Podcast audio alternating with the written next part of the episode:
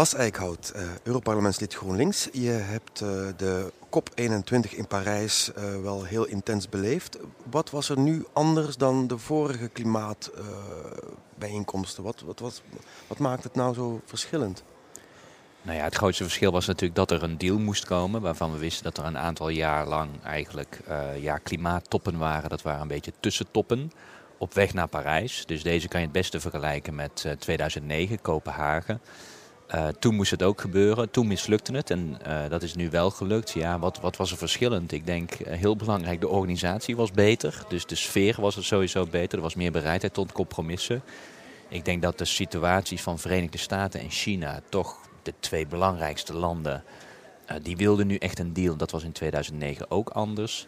Ik denk dat de effecten van klimaatverandering gewoon veel duidelijker zijn. Denk met name aan regio's als Afrika, Latijns-Amerika, die ook echt een deal wilden. En uh, ja, de klimaatwetenschap, wat in 2009 nog een discussie was, dat is eigenlijk nu geen debat meer. Dus in die zin, landen als Saudi-Arabië of Rusland, die altijd wat op de rem staan, die, die konden dat ook veel moeilijker. Dus in die zin, uh, ja, alle omstandigheden waren gewoon beter om tot een deal te komen. De klimaatceptici hebben uh, nu wel definitief de onderspit ja, nou, ze zullen altijd nog pogingen doen. Hè. Je ziet ze soms weer de kop opsteken. Uh, maar wat, je, wat vooral interessant is, dat ze eigenlijk hun, hun, hun reden, redenatie nu anders doen. Eerst was het van het is onzin, uh, toen was het geen onzin meer. Maar dan konden we er weinig aan doen. En nu is al meer de lijn, oké, okay, we kunnen er misschien wat aan doen, maar het is te duur. Juist. Ja, oké. Okay. Als we in dat debat gaan komen, dan, dan hebben we volgens mij een stuk makkelijker argument om aan te tonen wat daar dan weer niet aan klopt. Dus ja. je, ziet, je ziet het debat verschuiven. Juist. Uh, we gaan even naar de, naar de even kort aanstippen wat de hoofdlijnen van, uh, van de uitkomst in Parijs zijn. Maar even een algemene vraag. Um, de, de milieubeweging was toch wel heel erg kritisch. En jouw communicatie was toch eerder optimistisch. Uh, het is een beetje het verhaal, het glas is half vol of half leeg. Um, bij jou was het, voor jou was het, is het glas half vol. Ja, ik denk ook wel dat het te maken heeft met uh, beantwoord je het vanuit een politiek perspectief of beantwoord je het gewoon inderdaad vanuit een klimaatperspectief. Vanuit een klimaatperspectief, ja, levert dit akkoord te weinig op. Maar dat wisten we natuurlijk ook van tevoren. Uh, van tevoren wisten we dat eigenlijk alle beloftes die op tafel lagen van de landen, dat uh, die onvoldoende zijn om beneden de 2 graden te blijven, laat staan beneden anderhalve graad. Uh, dus dus, dus die, die context is anders. En we wisten dat het, uh, zeg maar die plannen die er worden ingeleverd, dat dat toch een beetje vrijwilligheid is. Dat het nu aan, we zijn overgeleverd aan de goedwil van alle landen. Mm -hmm. Dat waren settings die we al voor Parijs wisten. Maar als je op daarop gaat afmeten, ja, dan kun je kritisch zijn. Ik denk waarom ik vanuit een politiek perspectief uh, veel positiever ben, is nou ten eerste, het was van tevoren echt niet duidelijk dat überhaupt anderhalve graad genoemd ging worden. Dus er is eigenlijk meer ambitie ingekomen dan verwacht. We hebben een lange termijn doelstelling uh, die misschien vaag omschreven is, maar die eigenlijk wel eens min of meer zegt van jongens, in 2050 of in ieder geval in de tweede helft van de eeuw zullen wij gewoon naar een nul uitstoot moeten gaan. Daar kun je heel veel omheen draaien naar die, en naar die woorden kijken, maar politiek concludeer ik jongens, we gaan naar een nul uitstoot in de tweede helft van de 21ste eeuw. En dat is heel belangrijk.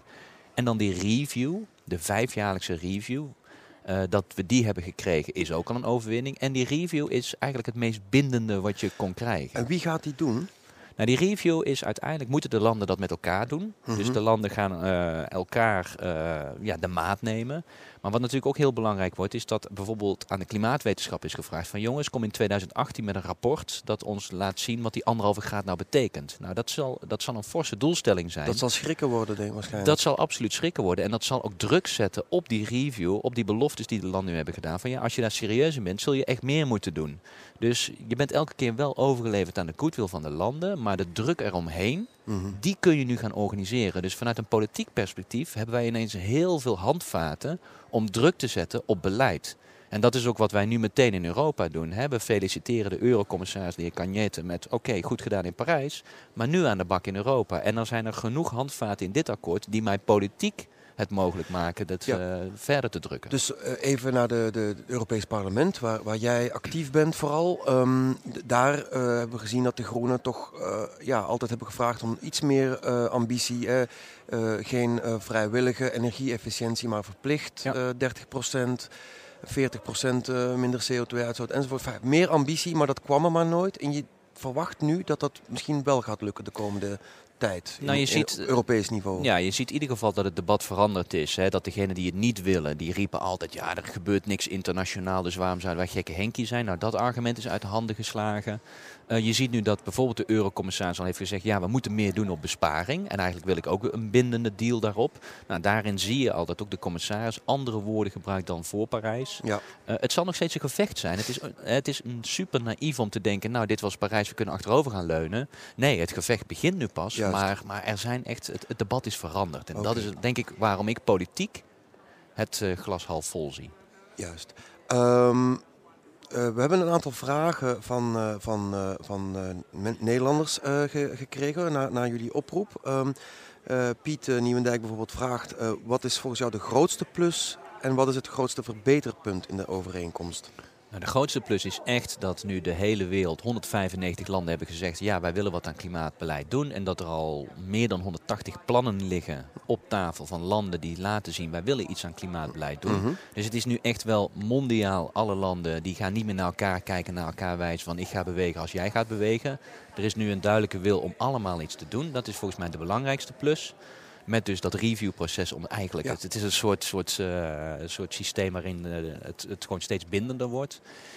Wat, wat de zwakste nog steeds is, is dat natuurlijk de beloftes die op tafel liggen onvoldoende zijn om klimaatverandering beneden de 2 graden of überhaupt de 1,5 graden te houden. Ja. Dus de komende jaren zal het allemaal beter moeten. Er zal meer moeten gebeuren dan wat de landen nu denken. Ja. En dat systeem, ja, dat moet, dat moet zich nog wel gaan bewijzen. Ja, ik had eigenlijk verwacht dat je lucht- en scheepvaart uh, uh, uh, ging noemen als ver belangrijkste verbeterpunt. Daar vraagt Marianne onder andere. Uh, Reinier, een aantal mensen hebben deze vraag gesteld. Uh, waarom zijn daar uh, over lucht- en scheepvaart geen afspraken gemaakt? Ja, er was eigenlijk gewoon een lobby tegen. Met name denk, denk aan een land als Singapore, wat ook wel weer een land is op VN-niveau. Die zat daar heel erg op dwars. Maar achter de schermen Verenigde Staten en China, die wilden dit eigenlijk ook niet.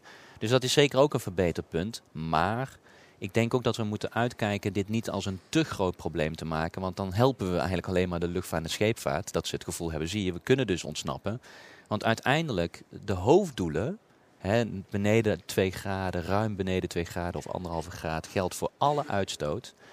En er wordt nergens een specifieke sector genoemd. Dus er zijn genoeg de hoofddoelen gaan wij meteen in 2016 gaan wij ook scheepvaart en luchtvaart aanpakken. Ja, ze worden niet genoemd en dat is gewoon een gemiste kans.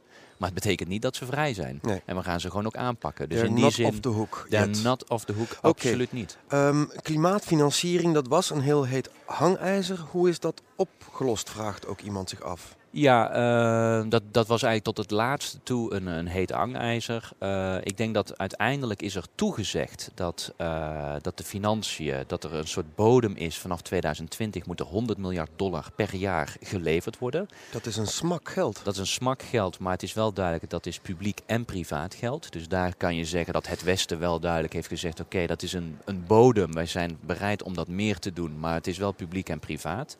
En waar uh, Europa en Verenigde Staten blij om zijn, is dat het bedrag, de 100 miljard, niet in de Parijsdeal zit. Het zit wel in de besluiten eromheen, maar het mm -hmm. zit dus niet in het, zeg maar, het wettelijk bindende akkoord. Dat was goed voor de. Uh, voor de Europa en Amerika wilden dat niet. Aan de andere kant hebben China en India het wel voor elkaar gekregen dat ze zeggen. En dat geld moet toch vooral door de rijke landen worden bij, bijgedragen. Wat volkomen terecht is. Wat toch? volkomen terecht is. En de ontwikkelingslanden krijgen een, een vrijwillige bijdrage. Dat gebeurt natuurlijk als China levert ook geld, maar die krijgen daar geen verplichting. Dus er zit, in die zin is het echt een beetje een deal geworden van geven en nemen voor iedereen. Juist. Uh, laten we misschien even naar het Nederlandse uh, niveau gaan kijken. Wat, wat betekent dit nu vanaf 2016 voor het uh, beleid dat in Den Haag gemaakt wordt. Uh, welke verplichting heeft, uh, dat vraagt Ine Botman zich af, welke verplichtingen heeft Nederland nu eigenlijk na dit akkoord? Ja, volgens mij is het allerbelangrijkste dat Nederland moet stoppen met zich verschuilen achter Europa. Dat is een beetje de nationale hobby, hè, van wij volgen wat Europa vindt en dan in Europa volgen we weer wat de wereld vindt. En dan waarschijnlijk als de wereld iets doet, dan gaan we extraterrestrieel ons ergens achter verschuilen. Volgens mij wat het belangrijkste toch wel de, de geest van, van Parijs laat zien, is dat elk land aan de bak moet. Uh, en dat Nederland dat ook gewoon moet doen. Uh, we hebben bijvoorbeeld, hè, PvdA en GroenLinks hebben gezamenlijk een klimaatwet voorgesteld. Nou, dat is eigenlijk al in de geest van Parijs, namelijk lange termijn doelstelling. Zorg dat de investeerders weten waar het naartoe gaat. Dat betekent volledig duurzaam, weg van fossiel. En eigenlijk moet je de eerste stappen direct maken, kolencentrales gaan sluiten. Dat soort acties kan Nederland gaan nemen zonder zich te hoeven gaan verschuilen achter van ja, dat moeten we Europees doen. Er zijn er genoeg discussies die we Europees moeten voeren, maar Nederland kan echt wel een aantal zaken nu meteen zelf doen. Nou ja, en uh, dat hoef ik jou niet te vertellen, maar Nederland heeft natuurlijk ook een belangrijke stem in Brussel. Dus ook daar kunnen ze het Europese beleid mee de goede richting uit nou ja, helpen sturen. Ja, en het interessante is dat Nederland voorzitter wordt van de EU. vanaf, januari. Vanaf 1 januari. en ik denk dat het allerbelangrijkste wat Nederland in Brussel moet gaan inbrengen is van jongens, als wij die anderhalve graad serieus nemen, dan zullen wij ook het Europese beleid, hè, wat wij nu afspreken bij emissiehandel, dat zal aangescherpt moeten worden. Uh, wat we gaan afspreken voor de andere sectoren, zoals transport, landbouw, bebouwde omgeving, daar moeten we ook wat ambitieuzer gewoon eh, worden. Dus, dus in die zin kan Nederland ook in Brussel het debat veel, veel een steviger draaien. Ja, Nederland belangrijk landbouwland, maar landbouw is tot nu toe een beetje afwezig in die uh, klimaatbesprekingen. Toch wel vreemd. Hoor. Ja, ik zag ook een aantal vragen daarover. Uh, we moeten wel eerlijk zijn, worden eigenlijk nergens specifiek sectoren genoemd. Uh, dat, dat, daar, daar moet je ook denk ik, dat kun je niet verwachten als je met 195 landen zit, als je dan specifiek sectoren gaat noemen. Dus je moet gewoon het aangrijpingspunt is dat wij de uh, uh, dat we eigenlijk die hoofddoelen zetten en waarvan we zeggen de totale uitstoot zal echt in balans moeten komen in de tweede helft van deze En hoe eeuw. elk land dat voor zich wil organiseren, dat mogen, mogen ze... Mogen ze zelf weten, maar het is heel duidelijk dat de landbouwsector ook zijn bijdrage zal ja. moeten doen. En, en dat er dan een discussie moet gaan komen over de ongelooflijk grote veestapel die we bijvoorbeeld in Nederland hebben of in Europa hebben. Ja, daar zal een discussie over komen, want die krijg je niet heel snel even uh, broeikasgasneutraal. Dus daar zul je beleid op moeten voeren. Ja. Dus in die zin ook hier weer genoeg handvaten om ook het landbouwbeleid veel beter voor klimaat ja. te maken. Er zijn een paar vragen opvallend. Uh, blijkbaar zijn mensen toch bezorgd om de kolencentrales in Nederland. Ja. Michel, Jan Kraan, uh, wat, wat, wat, ja, wanneer gaan die dicht? En als ze dan dicht gaan, uh, wat, wat, heeft Nederland wel genoeg alternatieven? Um, dat is toch iets wat mensen blijkbaar bezighoudt? Ja, er is nu eigenlijk politiek afgesproken in Nederland dat de kolencentrales dichtgaan. Maar in die motie wordt geen jaar genoemd. Nou ja, dat, dan kun je daar nog uh, heel verschillend over nadenken. Ik denk dat dit een van de hoofddiscussies in Nederland gaat worden. Oké, hoe snel gaan ze dicht? Uh, wat zijn de alternatieven? Ik denk dat we heel goed moeten doorhebben dat Nederland al een, een elektriciteit overschot heeft. Dus er kunnen ook echt die kolencentrales kunnen dicht. En het alternatief zal vooral toch het versneld moeten inzetten op duurzame energie. Ja. En, en daar en besparing. Hè. Dat is toch de koppel. Hoe meer je bespaart, hoe minder elektriciteit je ook hoeft op te wekken. En Precies. daar zijn nog veel stappen te maken in Nederland. En ik denk dat daar wel de crux zit. Ja. Uh, Eduard die vraagt zich af, je noemde net al uh, het, uh, het, de klimaatwet van GroenLinks en de PvdA. Uh, Eduard die vraagt zich af bij de volgende verkiezingen een stembusakkoord tussen partijen die verder willen gaan in klimaatbeleid? Ik, vond, ik vind het een hele interessante suggestie. Ik bedoel, in die zin uh, wordt het. Hè, moeten we kijken of die klimaatwet, of we die geaccordeerd krijgen voordat, uh, voordat er nieuwe verkiezingen zijn. Als dat niet het geval is, denk ik wel dat die klimaatwet als een soort inzet moet worden voor de verkiezingen en welke partijen daaraan mee willen doen. Ja. Um, het lokale niveau dan, daar kwamen ook een aantal vragen over binnen. Anton, Ari, Kees uh, vragen zich af wat zijn nu eigenlijk de concrete gevolgen van dit klimaatakkoord voor lagere overheden, gemeentes, regio's. Hoe zorgen we ervoor dat Nederland op een lager overheidsniveau aan de slag kan gaan met dat klimaatverdrag? Ja, kijk, concreet, uh, zo'n akkoord in Parijs zal echt niet uh, heel concreet worden in de maatregel. Dat is aan de, de, landen en dan de lokale overheden. Maar ik denk dat je wat je in algemene zin echt kan zeggen van Parijs is... dit akkoord is een steun in de rug voor die partijen die lokaal verder willen. En lokaal krijg je altijd, iedereen heeft altijd genoeg argumenten om niets te doen. Dat is heel makkelijk verzinnen om niets te doen. Ik denk die partijen die gewoon verder willen, die wel beleid willen voeren, die actief willen zijn, die krijgen echt een steun in de rug van dit beleid. En op dit moment is het zo dat lokaal we ver vooruit lopen op bijvoorbeeld het debat in Den Haag of in Brussel. En wat ik vooral fijn vind aan dit Parijsakkoord is dat die partijen die al voorop lopen, dat die een steun in de rug krijgen. En dat eigenlijk de fossiele partijen die geen verandering willen, die krijgen het zwaarder. Die moeten nu gaan argumenteren waarom. En dat debat, dat zal ook lokaal gevolgen hebben. Dus dit is een steun in de rug voor mensen die verder willen. Je zegt net, lokaal uh, is men vaak al verder dan het, uh, dan het uh, debat in Den Haag. Kun je daar een voorbeeld van geven? Ik denk dat het met name zit in eigenlijk de hele discussie over energiecoöperaties. Het zelf opwekken ja, ja. van energie.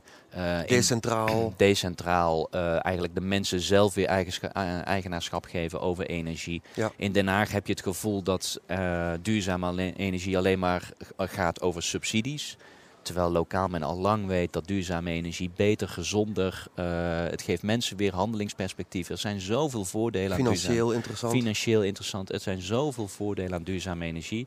Ja, in Den Haag lijken ze soms een beetje vast te zitten in dat debat. Ja, Rob, uh, die vraagt zich nog af tot slot over lo het lokale niveau. Zou het goed zijn om in navolging van de klimaatwet uh, ook op een lokaal, dat lokale overheden met een, een CO2-begroting gaan werken? Of wordt dat wel heel ingewikkeld? Ja, ik denk dat het verschilt per, per, per, per overheidsniveau. Maar uh, kijk, het allerbelangrijkste is dat ook op lokaal niveau, als je echt wil gaan kijken naar hoe kunnen wij onze gemeente eh, klimaatneutraal krijgen, energieneutraal. Ja, uiteindelijk met wat lange termijn doelstellingen geef je aan investeerders wel het duidelijke beeld van dan moet je in deze gemeente zijn. En in die zin een, een jaarlijkse begroting kan daarbij helpen. Maar ja, ik vind het moeilijk om zo even te beoordelen voor de verschillende overheden. Ja, uh, je sprak er net al heel even over. Er waren een aantal vragen van Frans en Ardi, uh, onder andere uh, Lex de Sabonin Lohman, um, over de controle. Hè? Want ja. um, de angst die bij veel mensen denk ik toch wel leeft, is van ja, uh, in hoeverre gaan we toch niet uh, gevallen van creatief boekhouden uh, zien met ja. de CO2-boekhouding dan. welke garanties hebben we eigenlijk dat, dat landen geloofwaardig rapporteren? Hoe, en, en, ook een interessante vraag trouwens, um, hoe kunnen we landen die goed werk leveren belonen? Kunnen we een soort mechanisme ja.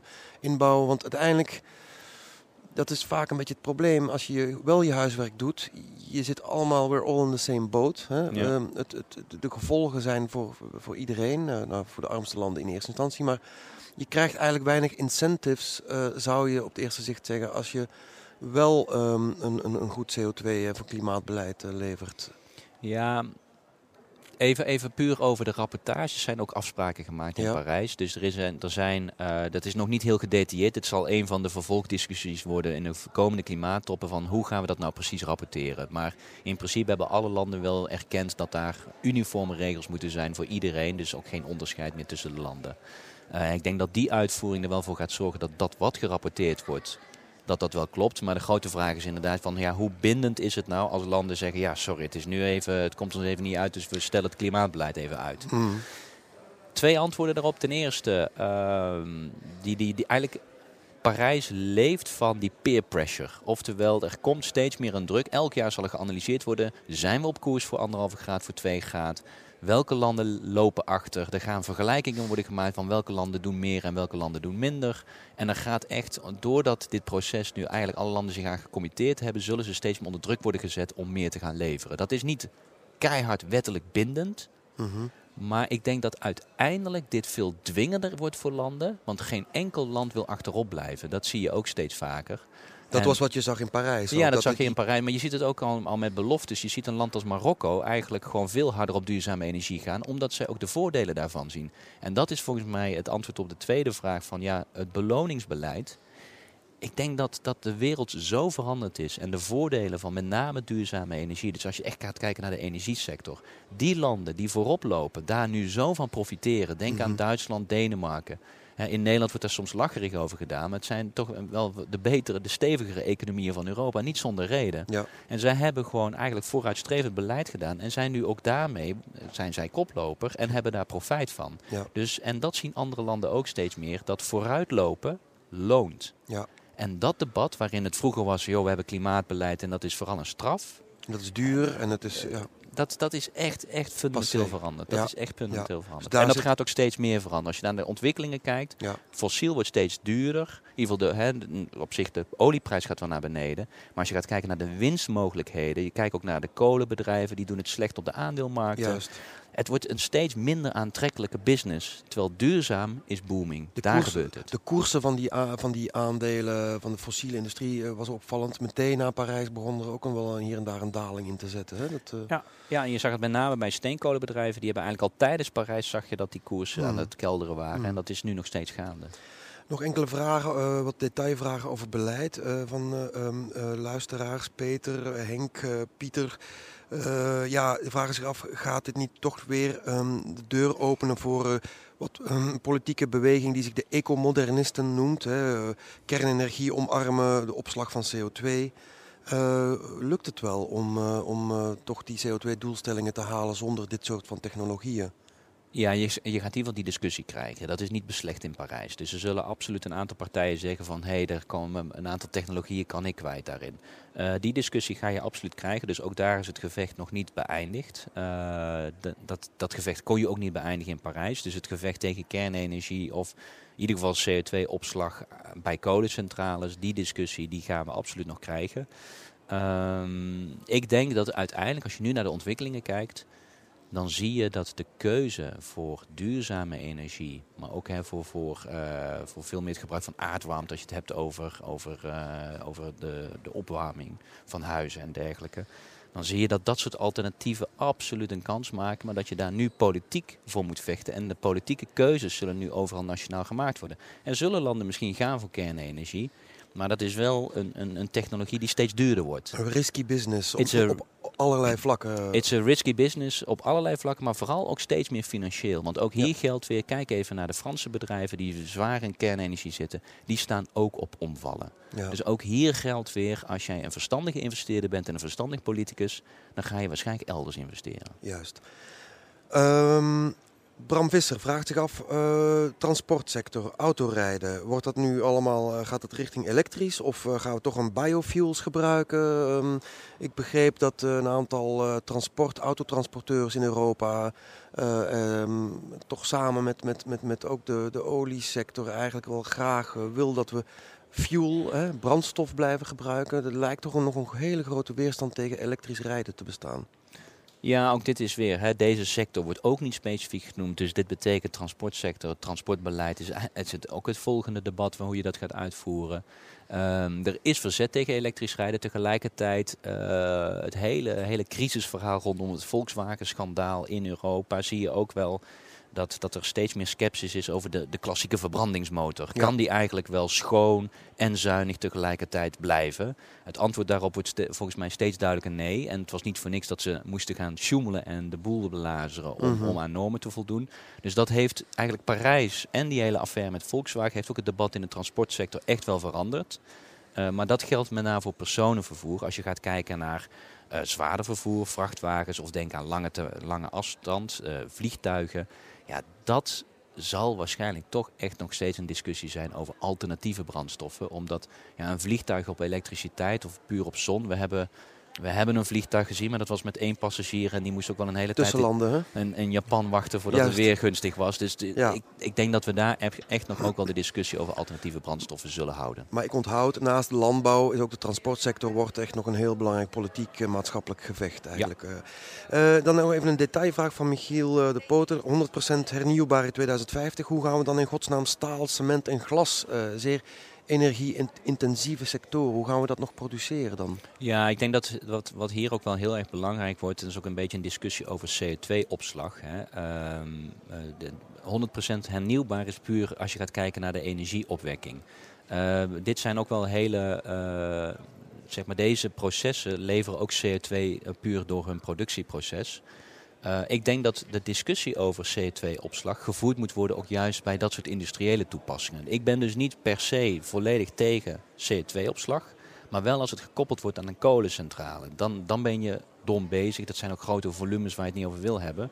Maar de discussie bij de, eigenlijk de energie-intensieve industrie, ja, zul je echt moeten gaan kijken naar een veel efficiënter energieproces. Restwarmte moet veel beter gebruikt worden. En de CO2 die nog ergens uitgestoten wordt puur door de, fysie, hè, mhm. de fysieke relaties. Daarvan moet je kijken of je daar ook wel opslag kan doen. Dus het zal een veel breder palet zijn. Ik bedoel, puur 100% duurzame energie is niet het enige antwoord. We, we, zullen breder moeten We gaan vooral nog veel te roekeloos om met energie eigenlijk. Heel verkwistend, verspillend. Ja, op dit moment zeker. Ja. Laatste vragen. Ehm, eh, we zijn uh, aan het eind van 2015, een uh, nogal bewogen jaar. En een aantal mensen vragen zich af hoe dat nu verder zal gaan in 2016. Gaan we inderdaad echt een nieuw elan zien in Nederland, in, in, in Europa en, en verder? Sylvia bijvoorbeeld, ehm, ja, die stelt een hele terecht kritische vraag, een bezorgde vraag. En die wil eigenlijk uh, door jou gerustgesteld worden. Hmm. Uh, volgens bepaalde berekeningen komen we nu, hè, met die INDC, je verwees er net al naar, uit op 2,7 graden opwarming. Um, ja, hoe groot is nu echt de kans dat... Uh, het een beetje koffiedik kijken, een beetje, je hebt het al een aantal keren gezegd, er, er is een nieuw land, er is, er is veel meer peer pressure op landen, er is echt een, een nieuwe wind toch wel die waait internationaal, maar uiteindelijk gaan... Het moet wel gebeuren. Ja, de transformaties gaan altijd moeizaam. Eh, er zijn die lobbykrachten die zijn niet weg. Nee, die zijn er nog steeds. Saudi-Arabië blijft afhankelijk van olie, om Ja. maar een land te noemen. Eh, eh, Shell blijft Shell. Kijk, volgens mij, eh het, het, het positieve kant is, is dat je wel ziet dat ontwikkelingen, die zijn altijd moeilijk van de grond te krijgen. De eerste stappen zijn heel zwaar, zeker als je tegen de fossiele lobby moet werken. Maar op een gegeven moment zie je partijen aansluiten. Dan gaan de financiële sectoren gaan ineens bewegen. En dat zie je nu bij elektriciteit. Zie je het eigenlijk zo snel bewegen dat de klassieke bedrijven als RWE, E.ON, die gaan hun fossiele takken afstoten. Ja. De veranderingen gaan daar vele malen sneller dan mensen vijf jaar geleden dachten. Dus die verandering is traag, maar op een gegeven moment kan het op, op stoom komen en dan gaat het ook snel. En dan kan het, dan kan het sneller gaan dan wij nu denken. Dat is de positieve kant van het verhaal. Maar we moeten realistisch zijn. Als je gaat nadenken over wat anderhalve graad echt betekent, ja, hoe langer wij wachten, hoe moeilijker het wordt anderhalve graad te halen. En om heel eerlijk te zijn, de kans dat wij anderhalve graad nog gaan halen, om daar beneden te blijven, ja, die is niet groot. Nee. Dat is echt niet groot. Ons koolstofbudget, eh, zeggen sommige wetenschappers, is tegen 2030 waarschijnlijk al opgebruikt. Ja, zeker als we doorgaan zoals nu. Dan Ja. is het eigenlijk al opgebruikt voor 2 graden zelfs. Dus, Ja. dus we zullen flink terug moeten. En dan wordt het een hele klus om beneden de 2 graden te blijven. Laat staan anderhalve graad. Daar moeten we gewoon wel realistisch in Ja. zijn. En we zullen dus daarom ook een discussie moeten voeren over het aanpassen aan klimaatverandering. En we zullen moeten gaan nadenken over bijvoorbeeld klimaatvluchtelingen. We weten dat we die gaan krijgen. Er zijn misschien in Syrië, wordt ervan gezegd, dat een deel al met klimaatverandering te maken heeft. Hè? Ja. Mislukken van oogsten, En, en, watertekorten maar denk ook aan de laagliggende eilanden waar een hele hoop mensen Ja, leven. Die, ja. die, die, die gaan problemen krijgen, hoe dan ook. En daar moeten we wel gewoon reëel in zijn. En, en Parijs is in die zin redelijk laat. We wilden al vele malen jaren eerder wilden we een akkoord. Parijs zet een belangrijke stap, maar de wereld is gewoon traag in reageren. En, en Mhm. daar moeten we gewoon realistisch in zijn. Dus geheel geruststellen kan ik Sylvia niet. Maar onderschat niet dat hoe snel een verandering, als er een revolutie komt in met een technologische revolutie, kan het snel gaan. Ja. En ik denk dat wij over 10, 15 jaar terugkijken op deze tijd en dan denken, goh, wat deden wij toen toch moeilijk? Ja, ja. Eh, laatste vraag. Eh Trace die eh, stelt terecht, hoe gaan we dit, de urgentie hoog krijgen door het in de media te houden en door ook vanuit de publieke opinie de druk groot genoeg te houden op, op politieke leiders, decision makers. Want we weten allemaal hoe belangrijk dat is en dat er op een gegeven moment een sprake was van een zekere klimaatmoeheid. Tenminste, Ja. dat werd wel eens gezegd. Ik- Ehm, ja. Ja, dat is altijd de grote uitdaging natuurlijk. Maar ik denk dat de, wat je de komende jaren steeds vaker zal gaan zien, is hoe zwaar fossiele bedrijven het hebben. Dat investeerders eigenlijk steeds meer die, die weg daarvan afmaken. Eh, en dan zul je een verandering in je economie krijgen. Waar we nu het heel vaak over hebben op papier of, of eh, in praatprogramma's. Je zal de komende jaren dit zien gebeuren in werkelijkheid. Mm. En ik denk elke keer weer als je een fossiel bedrijf eigenlijk ziet wankelen en ziet omvallen. Dan zul je daar debat over hebben van, goh, hebben wij te lang zitten slapen? En ik denk dat de shells van deze wereld echt heel erg goed moeten gaan nadenken Ja. over hun lange termijn strategie. En dat zullen ze ongetwijfeld al stiekem doen in de gesloten boardrooms. Ja. Maar dat zal steeds meer een publiek debat worden en dat lijkt mij heel waardevol. ja. En zelf eh, ga je, geloof ik, dit jaar een boek over het thema uitbrengen? Ja, dit jaar 2016 hebben we het dan al over. Eh, ja, ja, inderdaad. En, een beetje eh, op de feiten vooruit. Een beetje op de feiten vooruit, maar dat is eigenlijk gewoon om te laten zien van, goh, wat is er nu veranderd? We hebben Kopenhagen gehad, we hebben Parijs gehad. Wat is er nou veranderd in al die jaren? En hoe kunnen we nou wel verschil maken? En hoe zorgen we ervoor dat eigenlijk Parijs wel een relatief succes was? En hoe zorgen we er vooral voor dat het ook uitgevoerd En gaat worden? eh, mogen we de titel al weten? Of is dat nog echt geheim? nou, die, die, die komt nog. Oké, goed. Bas Eickhout, bedankt. En eh, veel werk op de plank eh, is wel duidelijk in 2016. U gaat zich niet vervelen. Eh, gelukkig niet. Dankjewel. Graag gedaan.